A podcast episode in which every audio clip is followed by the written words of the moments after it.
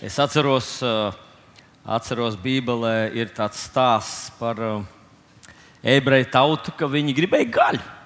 Gaļu gribam, gaļu gribam. Mana mums ir jau tā kā drusku apnikusi, gribam gaļu. Un tad viņi dabūja gaļu. Tās gaļas bija tik daudz, ka nu, jūs atceraties visu to stāstu. Vasara, protams, ir brīnišķīga. Bet, ka viņas ir par daudz, tad arī ir par daudz kādreiz. Vēl jau nav, protams, vēl nav. Nē, nē, nē, nē vēl nav.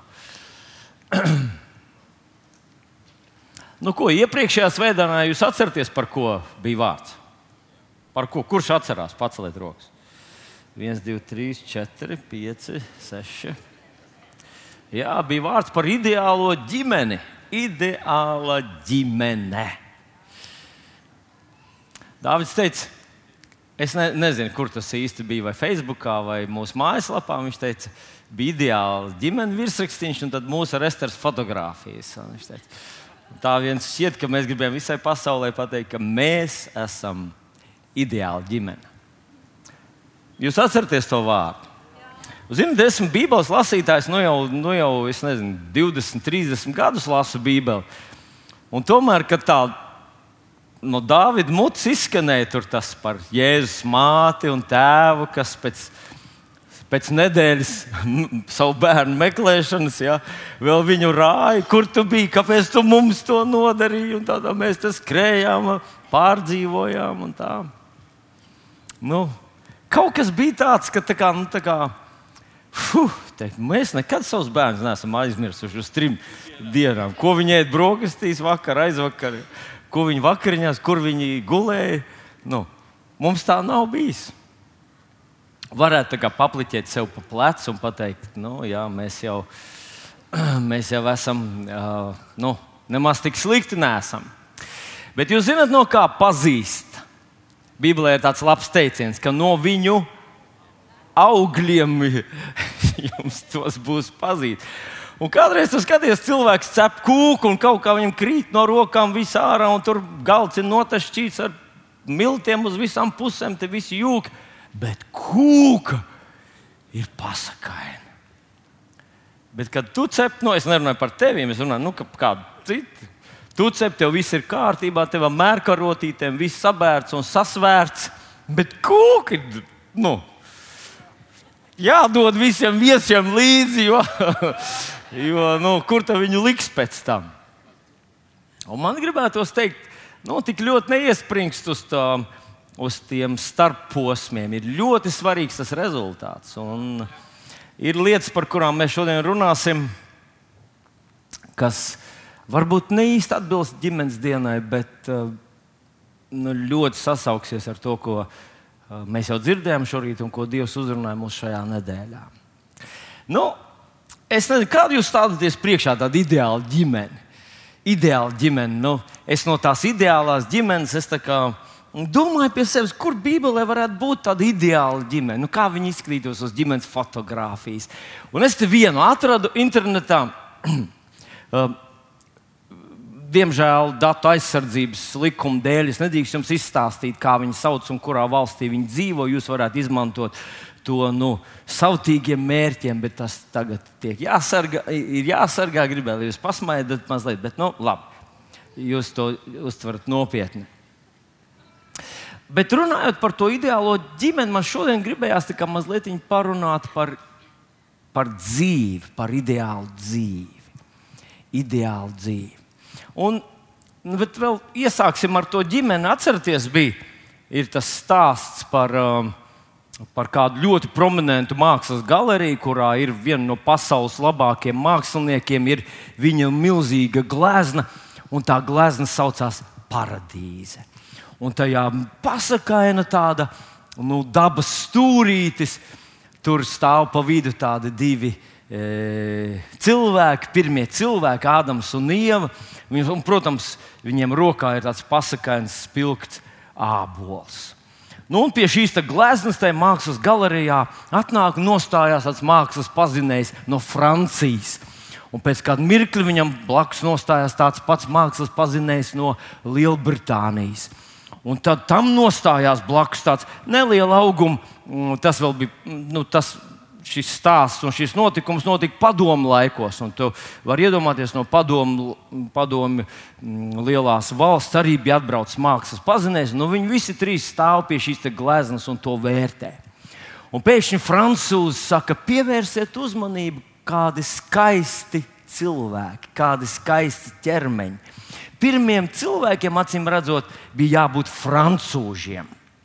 Nu, mirklīt, anglis pētījis to visu. Saka, bet pievērsiet uzmanību, cik mierīgi un, un cildeni stāv šie pirmie cilvēki. Pirmiem cilvēkiem tomēr bija jābūt britiem.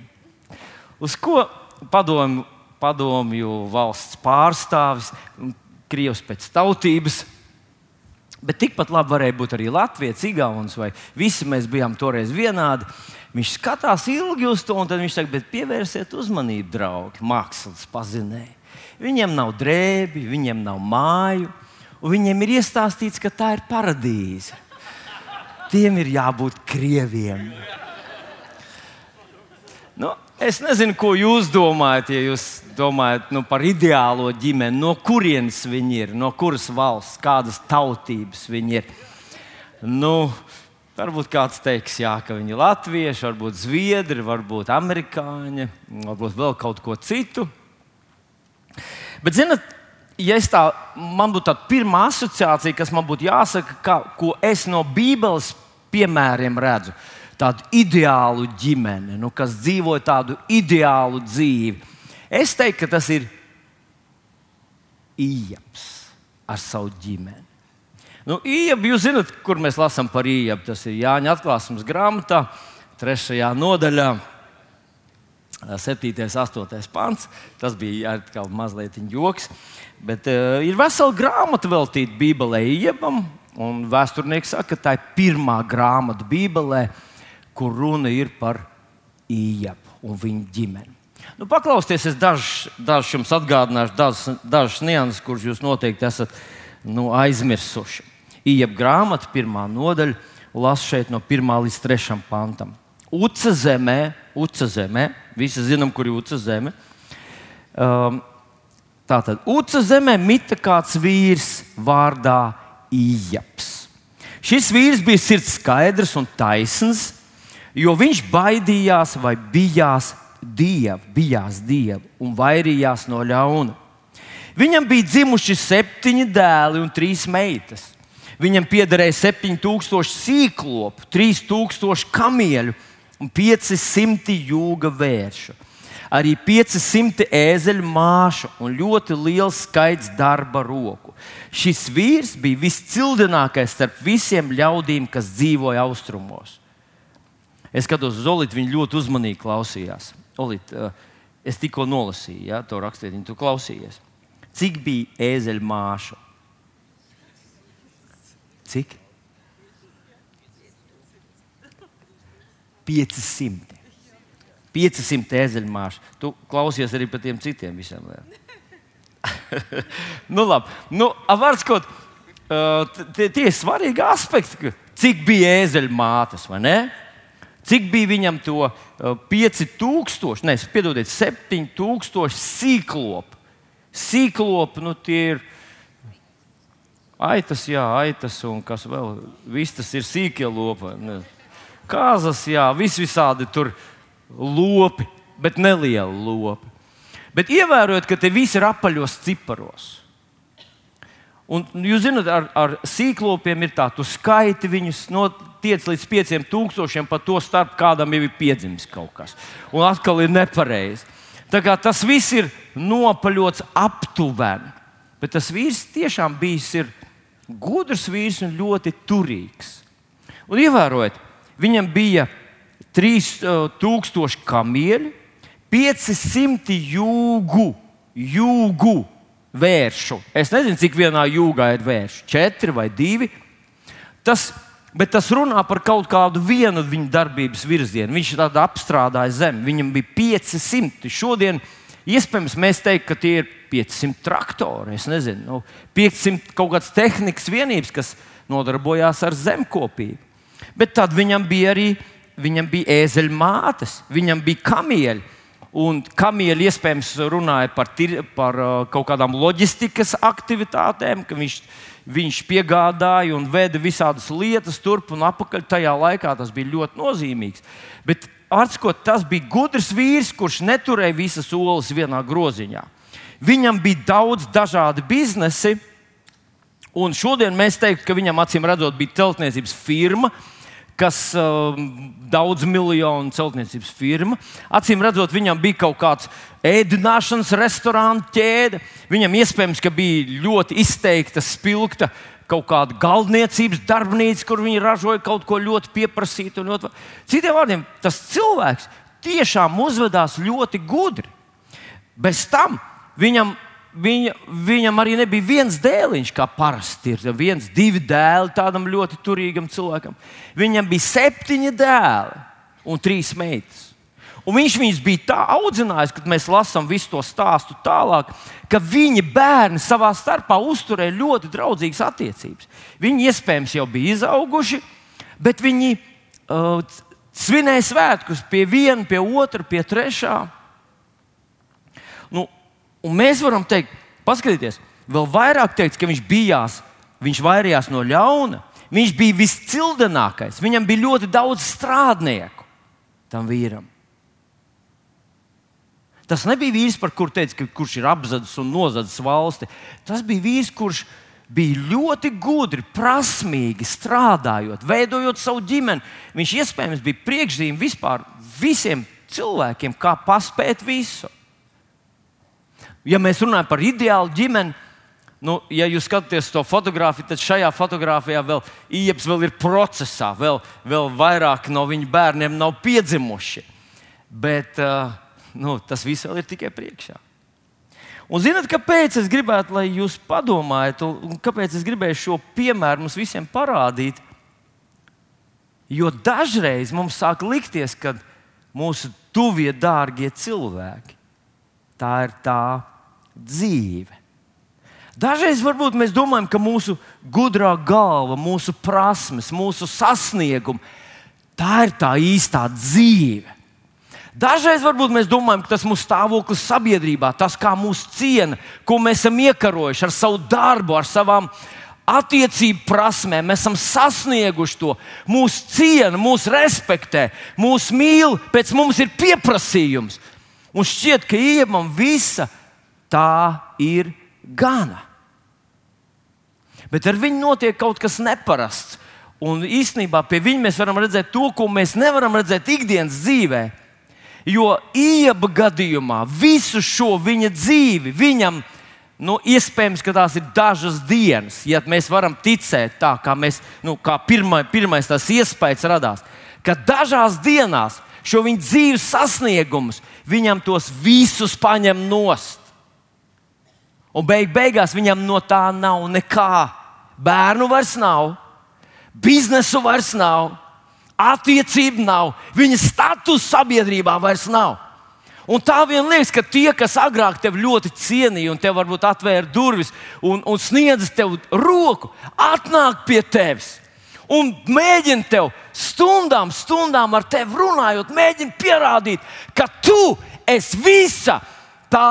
Uh, visas tās sagrāvas iemesls. Tāpēc, ka tu esi tik egoistisks, tik ļauns, tik augstprātīgs, tik lepns. Un mums visiem vajadzētu no tā kaut ko mācīties. Tas, ka cilvēki to šodien aplaudē un saka, ui, ui, ui, ui. Nu, iespējams, tu tikai paklupsi. Un viņi to visu izmantos pret tevi. Tos, kurus cilvēki paceļ, viņi arī beigās nogrūž zemē un samin. Un tāpēc uz to, to priecāties, uz to cerēt, ir ļoti tuvredzīgi. Un iepas to visu piedzīvo. Un tad ziniet, kas vēl notiek? Mīļie draugi, viņa gadījumā nevis viņš aiziet no dzīves, bet dzīve aiziet no viņa. Mēs Šodien runājam tikai par to, ka kāds cilvēks aiziet, kad viņš nomirst, un it kā viņš vēl kaut ko darīja, viņam te viss, kas bija, bet nu viņš ir aizgājis. Iep gadījumā ir otrādāk. Un mēs varam redzēt, kas, kādas tendences un kāda procesa notiek cilvēka dvēselē, kad viņš vienā dienā to visu pazaudē. Un vai ziniet, ko? Tā notiks un tā notiek ar pilnīgi visiem cilvēkiem. Tikai tad mēs aizejam no šīs pasaules. Bībelē saka, ka cilvēkiem ir nolemts piedzimt vienreiz, nodzīvot viņa dzīvi, un tad no tās aiziet prom. Un mēs nezinām, kad tas notiks, bet mēs visi aiziesim. Un šo situāciju, kur piedzīvoja Iepas, mēs visi piedzīvosim tikai drusku savādākā modifikācijā. Man kādreiz bija tāds, tāds skepse pret Iepas sievu. Iepas sieva tā ir tā viņa sieva, tā ir mamma tiem desmit bērniem, tiem septiņiem puišiem un trīs meitenēm. Nu, es uz mirkli nezinu, vai ir kāda mamma, kas ir piedzemdējusi desmit bērnus. Bet, ja kādam liekas, ka tu esi piedzemdējis, nu, es, es izteikšu savu vīriešu viedokli ka nav tā, ka tu piedzemdi desmit, tev liekas, ah, ah, hi, tik viegli viņi ir nākuši. Nu, eh, nav, nav tik svarīgi, jā, kas ar viņiem notiek dzīvē. Vai tā varētu būt? Un paklausies, ka tas viss notiek. Un viņi redz savu vīru, kurš tur tagad sēž pelnos, un viņš kasās nevis, nevis kādā uh, ārstniecības iestādē, nevis kādā tur, teiksim, dārgā, dārgā mm, medicīnas centrā viņu ārstē un cenšas viņai palīdzēt. Tad viņš sēž un viņai sadauzīta māla, poda lausku, kasa savus augoņus, kas viņam niedz. Un, un tie, kas agrāk viņam nevarēja pietuvoties, nu, kā iepsaka, viņi grūsta viņu, sagādājot viņam ciešanas. Redzot to visu, viņa sieva saka viņam, saka tos vārdus, vai tu vēl, un tas ir uzrakstīts otrajā, otrajā nodaļā, vai tu vēl stipri turies pie savas sirds skaidrības? Atsaki savam dievam, mūsu Bībelī saka, atsaki dievam un mirsti. Kādi citi tulkojumi saka, nolādi dievu. Nu, zinat, Angliski tas, tas šodien tas skan laikam katrā filmā, katrā multfilmā, katrā teātrī izrādē. Un brīžiem arī ziņās skan tie vārdi, kur zina visa pasaule nu jau. Un iespējams, ka tas bija kaut kas, kas bija uz mēles tai sievai. Viņai bija tik sāpīgi, tik grūti.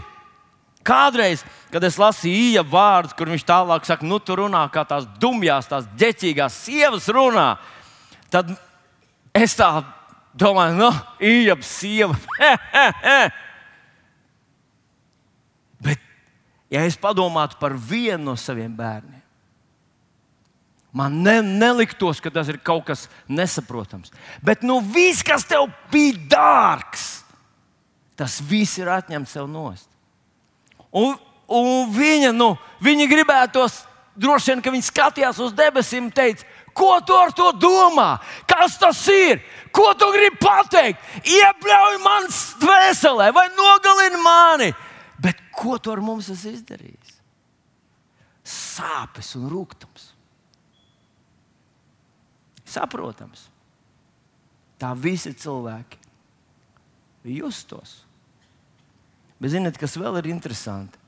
Ka tad, kad šī dzīve īņķim tiek paņemta nost, tad viņa sieva saka, ka dzīves vairs nav.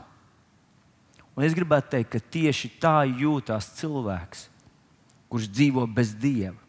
Kurš vienkārši savā dzīvē sasniedzis visu, izdarījis visu, apskatījis pasauli, visu, notērējis daudz naudas, varbūt iegūmis smalku izglītību, varbūt viņš bijis ļoti atzīts un ļoti pieprasīts, un nu ir pienākušas vecumdienas, vai varbūt pat ne vecumdienas, varbūt ir pienākusi vienkārši mirstamā stunda, un viņa pārliecība ir, ka dzīve ir kaut kas, kas bija tur.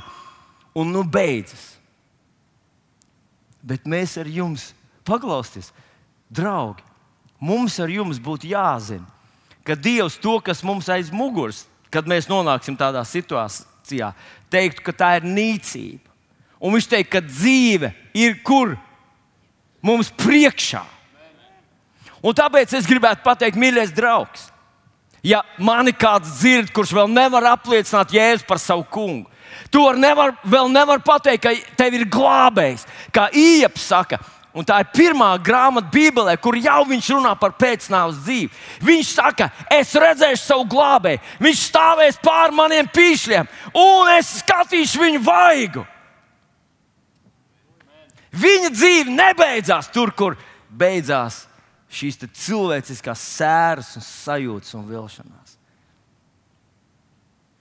Bet, nu, raugoties uz īebu, man gribētos uzdot šo jautājumu, kuru jautā viņa sieva tagad, kad mēs to visu esam pazaudējuši. Vai tad tā maz ir dzīve, vai tad mēs varam vēl dzīvot, vai ir vērts dzīvot, ja tev visa tavs dzīves darbs ir zudis?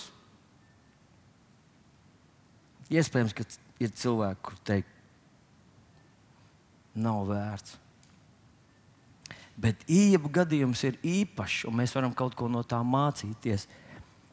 Viņš atrada sevī spēku, un viņam bija spēks. Un šodien es gribētu ieraugt šo īņķa dzīves noslēpumu. Un, zinot, es jums pastāstīšu, kā es nonācu pie šī risinājuma, pie šīs ilustrācijas un piemēra. Kādā vietā, kur es bieži staigāju garām, tur bija aizaudzis tāds lauks. Tā zāle bija gandrīz tik tālu līdz ceļiem. Tur bija daudz pieneņu, nu, tāds īsti pamests zemes gabals.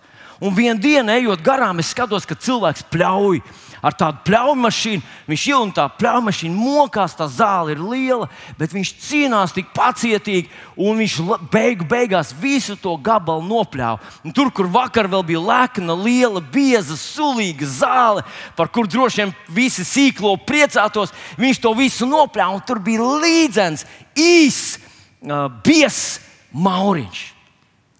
Es domāju, nu, cik daudz aizgāja bojā, visas tās puķis saņēma šoku, visas vīlās tēt, un, un cik tur bija uh, zāles stiebru. Sievu, kas sacīja, vai tā ir dzīve vispār, nav vērts atsakt dievam un mirst. Bet paklausieties, pēc divām dienām es eju garām, un tas mauriņš vēl aizvien ir tikpat nopļauts zem. Bet virs tā stipri nopļautā mauriņa bija izlīdušas vairākas spilgti, dzeltenas, Latvijas izplatītākā, skaistākā, dzīvotspējīgākā puķa, kas nebija salūzus, bet līdzīgi kā ieps, izbaudīja to un nu, pilnam, pilnam saņēma sauli. Jūs zināt, kas tā ir pa puķi? Jūs neviens nevarat iedomāties. Tā ir mazā necilā pienenīte.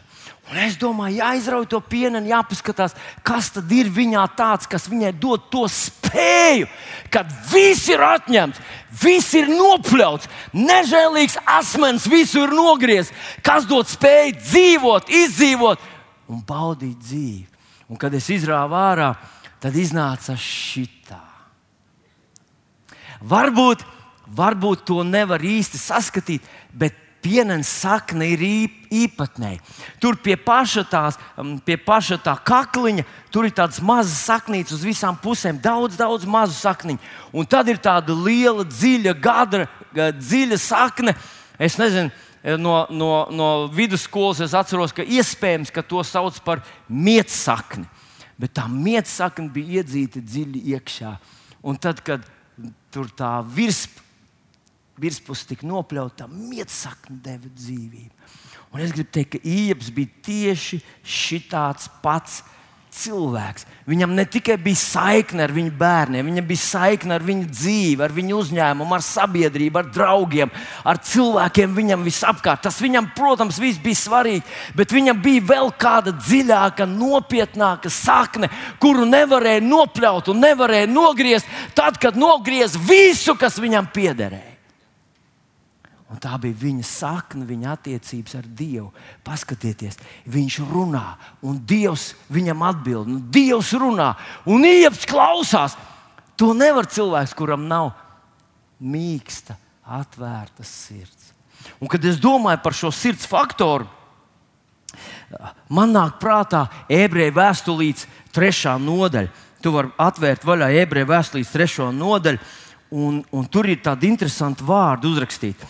Te mēs nelasīsim visu, bet vairākas reizes uh, autors runā par apcietinātu sirdi. Paklausies, kā tur rakstīts.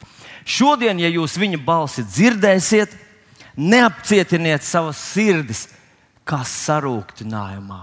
Nu, tas īņķa gadījums, tā bija konkrēta vieta, kur cilvēki, dabīgi, parasti, normāli cilvēki, dabīgi, parasti, normāli cilvēki sarūktinājās.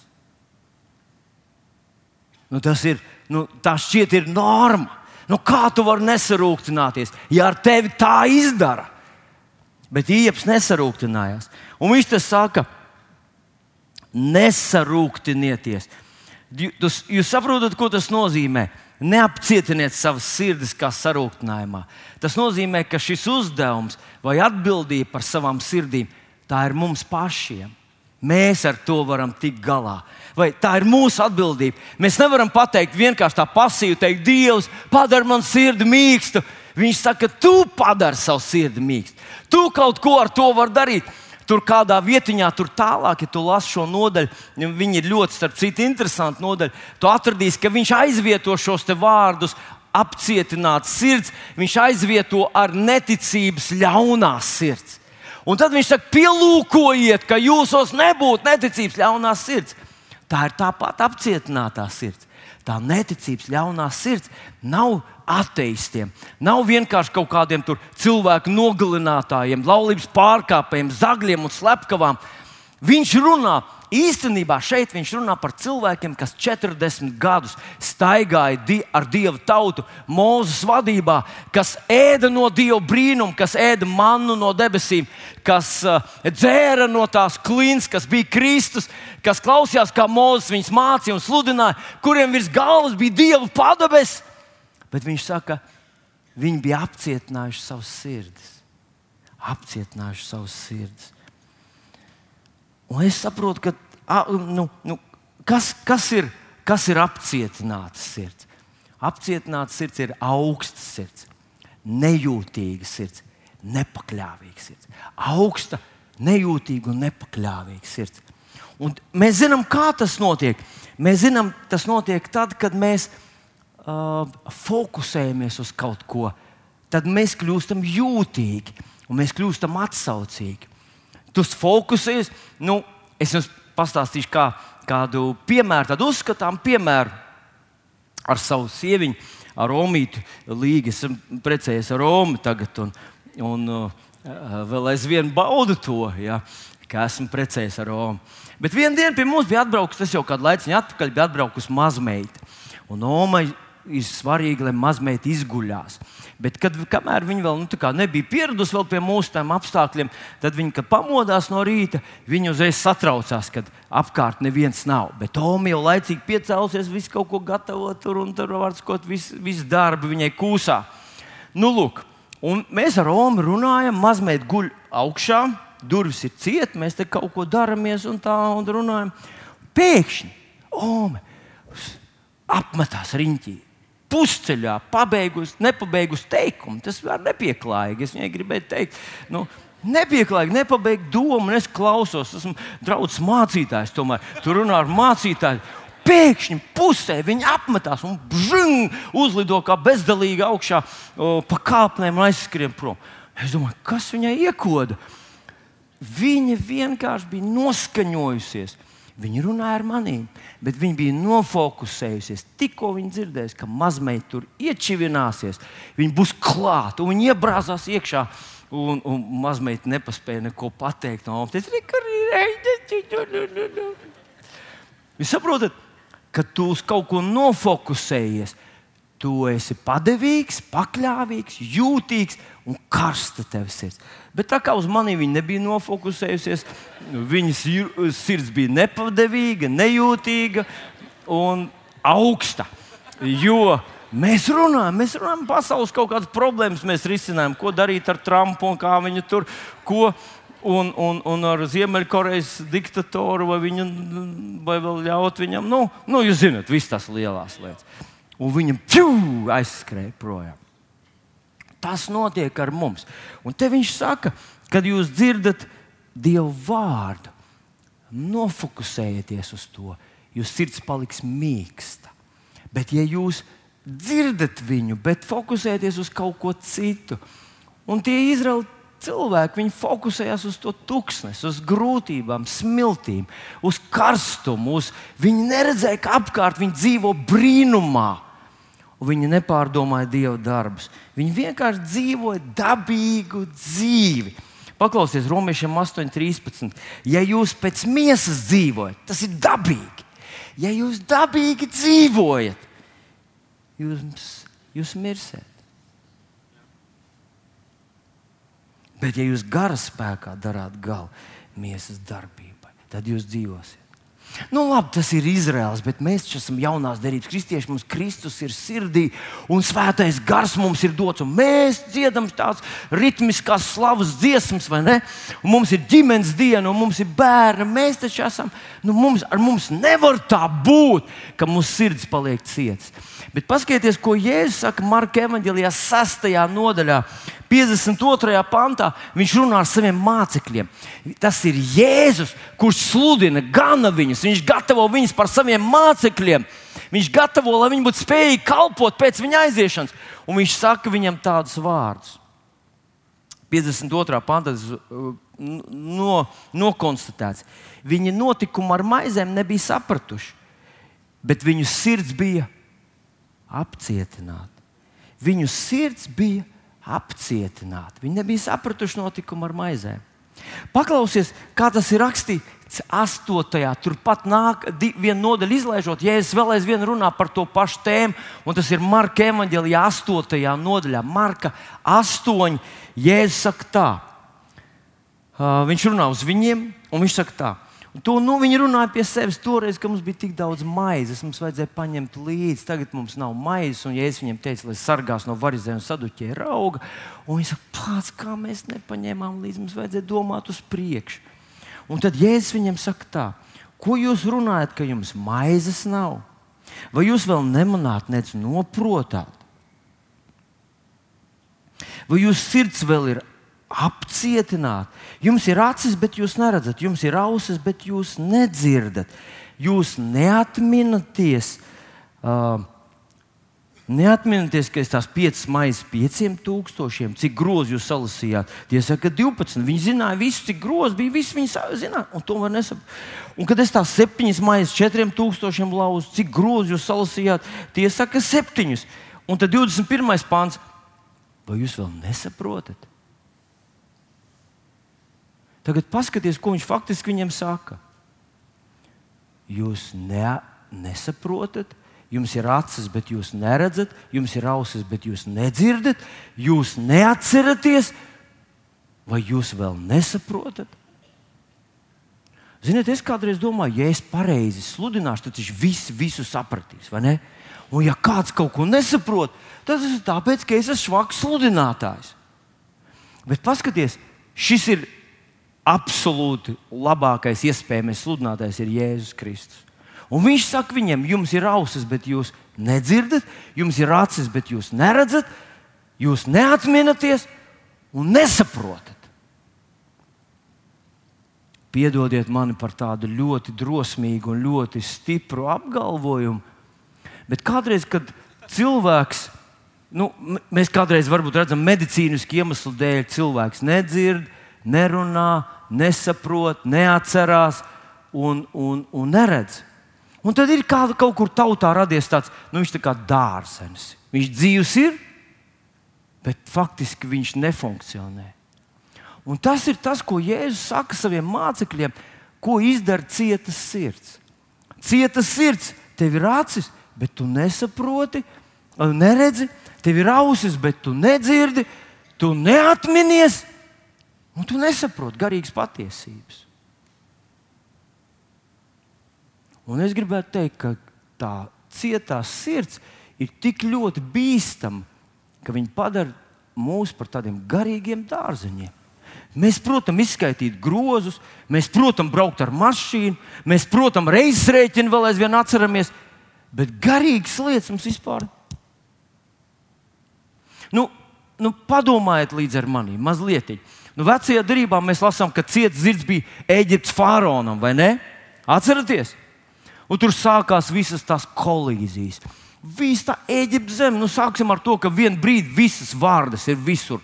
Viņš ēd keksiņu, nokoš gabalu, tur vārdu, izceptu tādu, nu, vārdu. Vannā mazgājās vārdi. Bērnu šūpulī vārdi. Ar sievu viņš grib satikties vakarā, mazliet pārunāt dienas, visus tos notikumus. Vārdi pa vidu. Nu, Viņš netiek ar to galā, viņš apkopējas, pieņem vēl vārdas, vārdas. Visa Eģipte beig, beigās, visa Eģipte uz ausīm. Tur ir augoņi, tumsa, uh, sikspārņi, krusta. Un, un beig, beigās vēl visi pirmzimtie, visi Eģiptes pirmzimtie. Tev bija, tu audzēji mājās mušu, pirmzimtā muša nomira. Tu audzēji jūras cūciņas, pirmzimtai cūciņa nomira. Tev bija aitas, pirmzimtā bija beigta līdz pat faraona pirmzimtajam mantiniekam. Visi bija beigti vienā naktī. Visa Eģipte bija uz ausīm. Bet viņa sirds ir apcietināta. Un, un, viņš nesaprot, ka jābeidz to darīt, ka tas ir Dievs, kas cīnās pret mani. Un tad skaties, kad Izraēla tauta ir izgājusi ārā. Viņi dzenās viņai pakaļ, un tad viņi nonāk līdz sarkanai jūrai, un Izraels sarkanā jūra pašķirās. Viņš nesaprot. Viņš, jūs saprotat, nu, tā kā liekas, ka pilnīgi trūls cilvēks. Nu, tiešām kā dārzens. Dievs paver jūru, un šis domā, viņš dzīsies pakaļ, vienalga viņus tur. Bet vēl vairāk tas notiek vakarā, un Izraēla tautai, tiem trim miljoniem cilvēkiem par to lielo plato ielai, viņiem vajag visu nakti, lai viņi pāriet to sarkano jūru. Un tad Dievs pa vidu starp izrēliešiem un eģiptiešiem iededzina tādu milzīgu uguns stābu, kas izrēliešiem ir aiz muguras, un ko viņš dara? Palīdz, vai ne? Kad tumsā tev aiz muguras ir gaisma, viņa tev viņa izgaismo ceļu. Eģiptiešiem viņi stāv acu priekšā, un viņi neredz. Eģiptieši viņu apžilbiņ, izrēliešiem palīdz. Un viņi, viņi gaida visu nakti, līdz tas uguns nodzisīs, kad viņi varēs dzīties pakaļ. Jūs saprotat, ka tur kaut kas, ej, halo, uh, nu tu esi zaudējis to, vai ne? Ziniet, kādreiz, kad tu esi zaudējis, bet nē, viņš neliekas mierā, viņš tur kaut ko tur, tur vēl, tur, tu esi zaudējis. To viss, nē, bet viņš nē. Un, ir, un tad viņi iedodas iekšā tajā jūrā vidū, un viņiem tur krīt riteņi nost un viss. Un, un beigās vienam pielec, vienam no eģiptiem viņš saka, Dievs pret mums karo! Tas tā kā viņam pārbrauc ar tanku, viņš izkrīt no lidmašīnas, tur vilciens divreiz viņu. Nu, un es sapratu, ej, man jāiet uz slimnīcu. Nu, tas ir līdzīgi.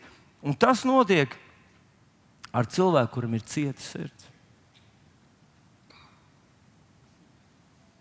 Un viņš saka to saviem mācekļiem, cieta sirds. Viņi vienkārši nesaprot lietas, neredz lietas. Dažreiz tas ir neticīgi cilvēki. Tu viņam borē stāst, viņš uz tevi skatās un saka, pats, tu no kuras planētas tu esi?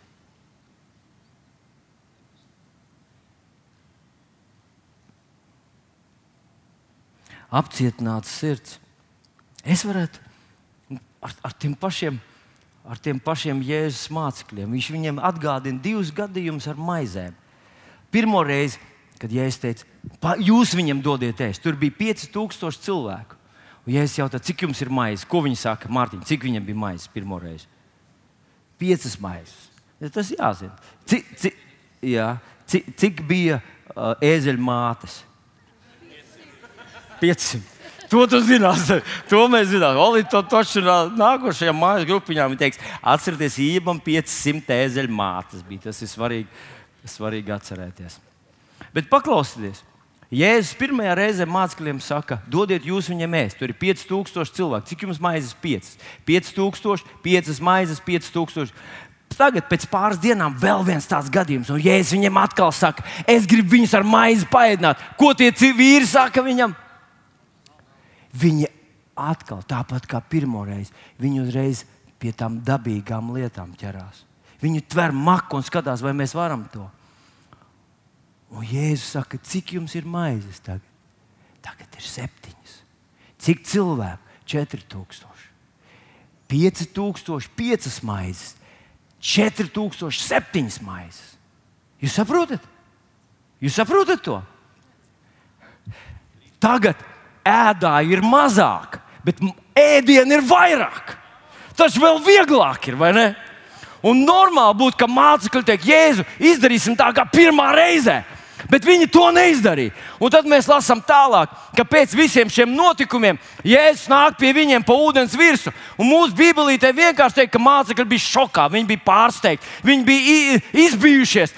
Bet, ja tu paskatīsies citus tulkojumus, tur rakstīts, ka viņi bija pārmēram pārsteigti. Viņi bija šokēti. Viņi bija vienkārši autā par to, ka Jēzus nāk pa ūdens virsmu.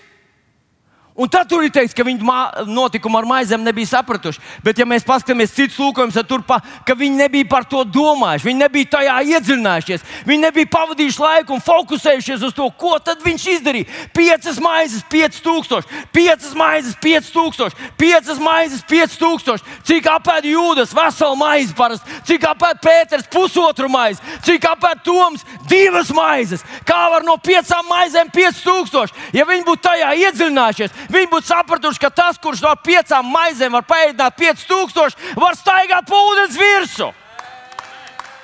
Viņi nebūtu šokēti. Ko es ar to gribu pateikt? Es ar to gribu pateikt, ka dažreiz, kad cilvēks momentāli saņem dziedināšanu, mēs visi. Oh! Mēs ticam, ka Dievs var svētīt doktoru rokas. Pareizi. Kungu, lūgšu, lai Dievs svētītu doktoru rokas.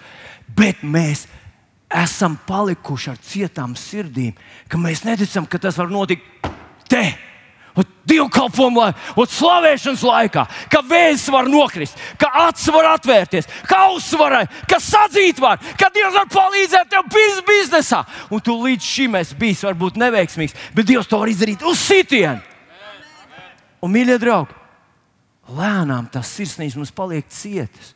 Mēs redzam tikai dabīgajā. Dievs darbojas tikai dabīgajā. Tikai dabīgi. Dievs, eh, es, es ticu, ka man var dabūt labāk. Dievs var brīnumaini pieskarties tam aģentam, bankām. Viņš man iedos labāku to mm, procentu. O, Olita ir tāda liela ticība, viņš man iedos labu un darbojās. Un darbojas viņai vienreizēs. Jūs gribat zināt, kā viņi to dabū, parunāties ar Olitu dabūt labu procentu likmi. Bet, kad Dievs var tevi izglābt, brīnumainā veidā, atbrīvot no kaut kādām važām, no saistībām, no kaut kā brīnumaina to izdarīt, tas ir tas, ko Viņš saka mācekļiem. Paskatieties, jūs staigājat brīnumā. Vienreiz es paēdināju uh, ar piecām maizēm, 5000. Otru reizi tas nebija vairs tik liels brīnums, ir septiņas maizes, 4000. Jūs neredzat, ka brīnumi te visapkārt notiek. Kāpēc jūs, jūs esat tik šokēti par to? Un tas ir tas, ko mēs ar tevi gribam darīt. Mēs gribam, lai mēs, mūsu sirdis ir mīkstas. Un paklausies, turpat ebreju vēstulītē, trešajā nodaļā ir teikts, kas tad apcietina sirdi. Viņš saka, grēks apcietina sirdi. Grēks ir pirmā lieta, kas apcietina tavu sirdi. Grēks. Pasaka, grēks. Jā, Vilni, tu tuļi mūsu masēs. Jā, grib mazliet pamasēt. Te. Tas ir šī patīkami, vai ne? Zini, kā ir ar grēku? Egīla panāca, e, kur ir Egīls? Egīla atnāca, parādīšu jums to, ko grēks izdara ar cilvēku. Panāca. Te jūs redzat vienu tipisku cilvēku, kurš, kurš uh, ir spilgts piemērs, kā notiek sirds apcietināšanas. Lēnām vien, viņš nemaz to nemanā, sirds ir cieta.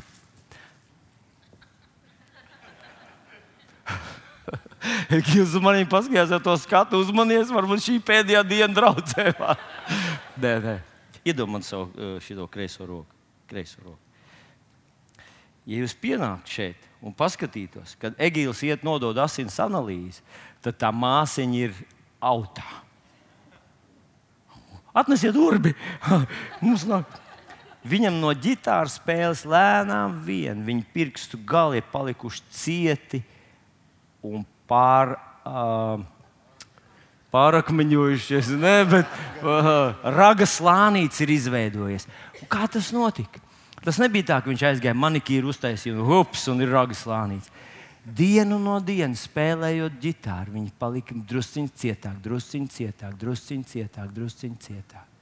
Līdz viņš vispār ne, nepārdzīvo, tas spiedz stīgas, tu maz neskaties, vai ne? Jā. Tā tas notiek. Tas ir process Paldies, Egīla. Tā izdara grēks. Tu vienreiz sagrēkoji, svētais gars tev teicis, beidz. Tu otrreiz sagrēkoji, svētais gars tev teicis, izdarīt. Lai tu varētu turpināt palikt tajā grēkā, tev visu laiku vajadzēja ignorēt viņa balsi un teikt, nē, nē, nē. Un lēnām tu izveidoji slānīt pēc slānīša, tā ka tu paliki nejūtīgs, tavs sirds palika cietāk. Nu, tas ļoti līdzīgi ar tiem, kas smēķē. Viss lielākā daļa smēķētāju zina, ka smēķēšana ir ļoti kaitīga. Šobrīd jau tas visur, visur saka, visi kliedz, visi smēķēšana, smēķēšana, smēķēšana. Bet vēl aizvien ir cilvēki, kas smēķē. Un, kad viņš vienreiz uzsmēķēs, Svētais Gars viņam teica, nevajag tev to met to nost. Bet viņš vienreiz to izdarīja, otrreiz, un viņam nācās norūdīt savu sirdi un padarīt to nejūtīgu pret Svēto Garu. Tā ir apcietināta sirds. Un, jā, es nezinu, kas smēķēšanas dēļ tu nonāksi ellē. Tu smirdi tā, it kā tu tur jau būtu bijis, ja tu smēķē. Bet tu lēnām apcietini savu sirdi. Un tas ir tas, ko grēks ar tevi izdara. Atcerieties, Jēzus teica, jums ir acis, bet jūs neredzat, jums ir ausis, bet jūs nedzirdat. Jūs neatminaties un nesaprotat. Un tu vari sastapt cilvēku, kurš kādreiz ir bijis dedzīgs Dieva bērns, viņš ir piedzīvojis Dieva brīnums, un tad paiet kaut kāds laiks, un viņš reāli no tā neko neatceras. Vienkārši neatceras, neatceras. Tu atceries, tu saki, bet tu stāstīji. Toreiz tev bija tāds piedzīvojums, Dievs tev tā uzrunāja, tā tu saņēmi to brīnumu. Un tas cilvēks stāv uz tevis, skatās, neatceros neko. Ziniet, kas tas ir? Tā nav slikta atmiņa. Tā ir vienkārši cieta sirds, apcietināta sirds. Un to izdara grēks, bet ne tikai grēks to dara. To izdara arī fokusēšanās uz vienkārši dabīgu, parastu dzīvi uz vienkārši parastām, dabīgām lietām, uz notikumiem, kuros tu dzīvo. Kā kādreiz Edvins Lūsis Kols teica, kad zaudētājs skatās uz to, caur ko viņi iet. Uz visiem tiem visiem aspektiem, visiem tiem bīstamības, uz visiem tiem riskiem, uz to ikdienu. Viņi ar to ir aizņemti, viņi ar to ir nodarbināti. Viņi cepās par to vienu un vēl vairāk. Mēs dzīvojam tādā ne, nežēlīgā laikā, kad pasaules notekūdeņa truba ir katra mūsu dzīvoklī. Katrā mums ir televizors, un citiem viņš ir milzīgs, liels, krāsains. Un visas pasaules problēmas, visas pasaules perversijas ir visas tavā ģimenē. Visi tavu bērnu to no bērnības sūdz iekšā slepkavības, eh, tur, tur laujas pārkāpšanas, nodevības, rūpjas vārdus. Visu to, visu. Neviena kristieša paudze, neviena ticīga cilvēka paudze nav bijusi bijusi tā pārpludināta ar neticību, ar problēmām, ar ikdienu, kā mēs esam.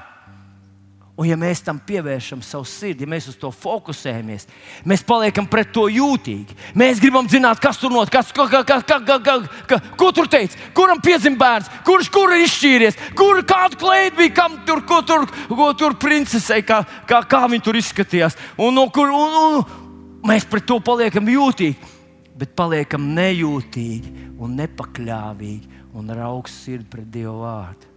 Un tad mēs it kā esam kristieši, it kā ticam Dievam, bet mēs vairs neticam, ka Viņš var izdarīt kaut ko brīnumainu. Mēs vairs negaidām, ka viņš man pieskarsies. Mēs vairs negaidām, ka Jēzus manā problēmā nāks pāri ūdens viļņiem. Mēs vienkārši kā kristieši ar cietām sirdīm ejam uz debesīm. Un, ziniet, tas noslēpums, ka mēs debesīs nonāksim ātrāk nekā mēs būtu nonākuši tur ar mīkstām sirdīm. Jo cietas sirds neļauj mums saņemt visas tās brīnišķīgās lietas, kuras Dievs grib mums dot. Bet īņķa noslēpums bija mīksta, atvērta sirsniņa. Mīksta sirds. Tāpēc viņš nesarūktinājās, viņš neapvainojās. Viņš neteica, Dievs, par ko tu man tā un tā. Un vienīgais, ko pārmet viņam tas puisis, kurš, kurš bija viens draugs, kurš bija runāja pareizi, viņš teica, tu nesaproti. Ja tu nesaproti, ne, nerunā. Neizvaino Dievu. Viņš ir tavā pusē, un Dievs to arī pierādīja. Un es šodien gribu te pateikt, draugs, ka Dievs ir tavā pusē. Tavā pusē. Varbūt tu esi piedzīvojis kaut ko, ka kaut kas tev šajā dzīvē ir atņemts, kaut kas ir zudis, kaut ko, ko tu ļoti gribēji, tu neesi to ieguvis. Bet tas nav tāpēc, ka Dievs būtu pret tevi. Tas nav tāpēc. Dievs ir tavā pusē. Bet iespējams, ka ir lietas, kuras tu neesi saņēmis, tāpēc, ka tavs sirsniņa ir apcietināta. Tā ir pārāk aizņemta un piepildīta ar šo pasauli. Vai, vai varbūt kāds grēks ir, kur tu nesā, kur tu nesā savu līdzi visu laiku. Un viņš tev sildi, un viņš, tas grēks, tev apzaks vairāk nekā tu spēj iedomāties. Tāpēc Jēzus sacīja tiem cilvēkiem, kas bija sākuši viņam ticēt, ja jūs paliekat manos vārdos, paliekat. Pirmais psalms saka, ka tu meditē par viņu vārdu, tu domā par viņu. Un jā, tev vajag kvalitatīvu laiku. Tas ir kāds īpašs laiks, kur tu esi veltījis Dievam, bet tam vajag būt arī kvantitatīvam. Ir jābūt pietiekami ilgi un pietiekami daudz, domājot par viņu vārdu, ļaujot viņam tevi uzrunāt, esot viņa tuvumā, lai tavs sirsniņš paliktu jūtīgs. Un tad, kad šajā pasaulē viss kaut kādas lietas notiks, varbūt un notiks, tad tu tā kā Oma būsi gatavs. Tu dzirdēsi, ka tas kungs teiks, celsies, tu celsies. Un kad viņš pateiks, klusi, viņš pateiks, tagad ej.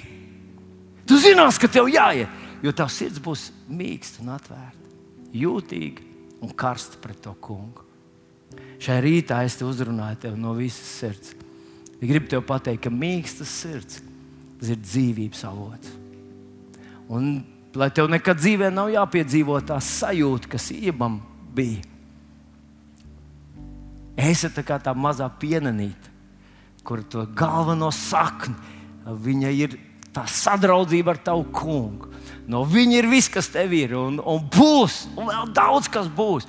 Un īstenībā šajā pasaulē, protams, mums ir daudz pienākumu, daudz visādi jauku lietu, bet tā īstā dzīve tikai sāksies tad, kad šitā pagaidu dzīve beigsies. Halleluja!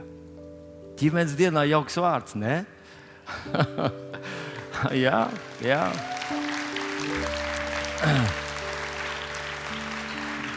Man gribētos, ka tu to iemāci saviem bērniem. Bērniem. Profesija ir laba lieta, naudu nopelnīt ir laba lieta, būt veseliem ir laba lieta. Laba lieta ir iemācīties peldēt un būt saprātīgiem un tā tālāk. Bet, ja tev nav šī centrālā tavs saziņa, centrālā tava, uh, tavs attiecības ar Dievu nav pārāks par visu, tad, tad kad tas viss beigsies, beigsies arī tava dzīve. Iemācīt saviem bērniem. Piecelsimies kājās. Debes Tēvs, mēs Tev pateicamies no visas sirds par šo brīnišķīgo dienu. Mēs pateicamies, ka ir ģimenes diena. Mēs pateicamies par cilvēkiem, kas mums ir apkārt. Mēs pateicamies par saviem bērniem, saviem vecākiem, saviem draugiem. Mēs pateicamies par dzīvi, kungs, kurā mēs atrodamies šobrīd. Paldies Tev par to! Dievs, paldies Tev! Paldies Tev! Paldies Tev! Paldies Tev par visām uzvarām, visiem sasniegumiem! Paldies Tev par visām atvērtām durvīm! Paldies Tev par spējām un prasmēm un, un labvēlību! Paldies Tev! Bet visvairāk mēs gribam te pateikt paldies par to, ka mums ir tēva un dēla, tēva un meitas attiecības ar tevi. Paldies Tev! Pasaka līdzi ar maniem, saka, debes Tēvs, paldies Tev par attiecībām ar Tevi, kas ir visas dzīvības, visas cerības, visas spēka, dziedināšanas avots. Paldies Tev, debes Tēvs! Halleluja! Paldies, Tev, Kungs! Paldies, Tev, Kungs!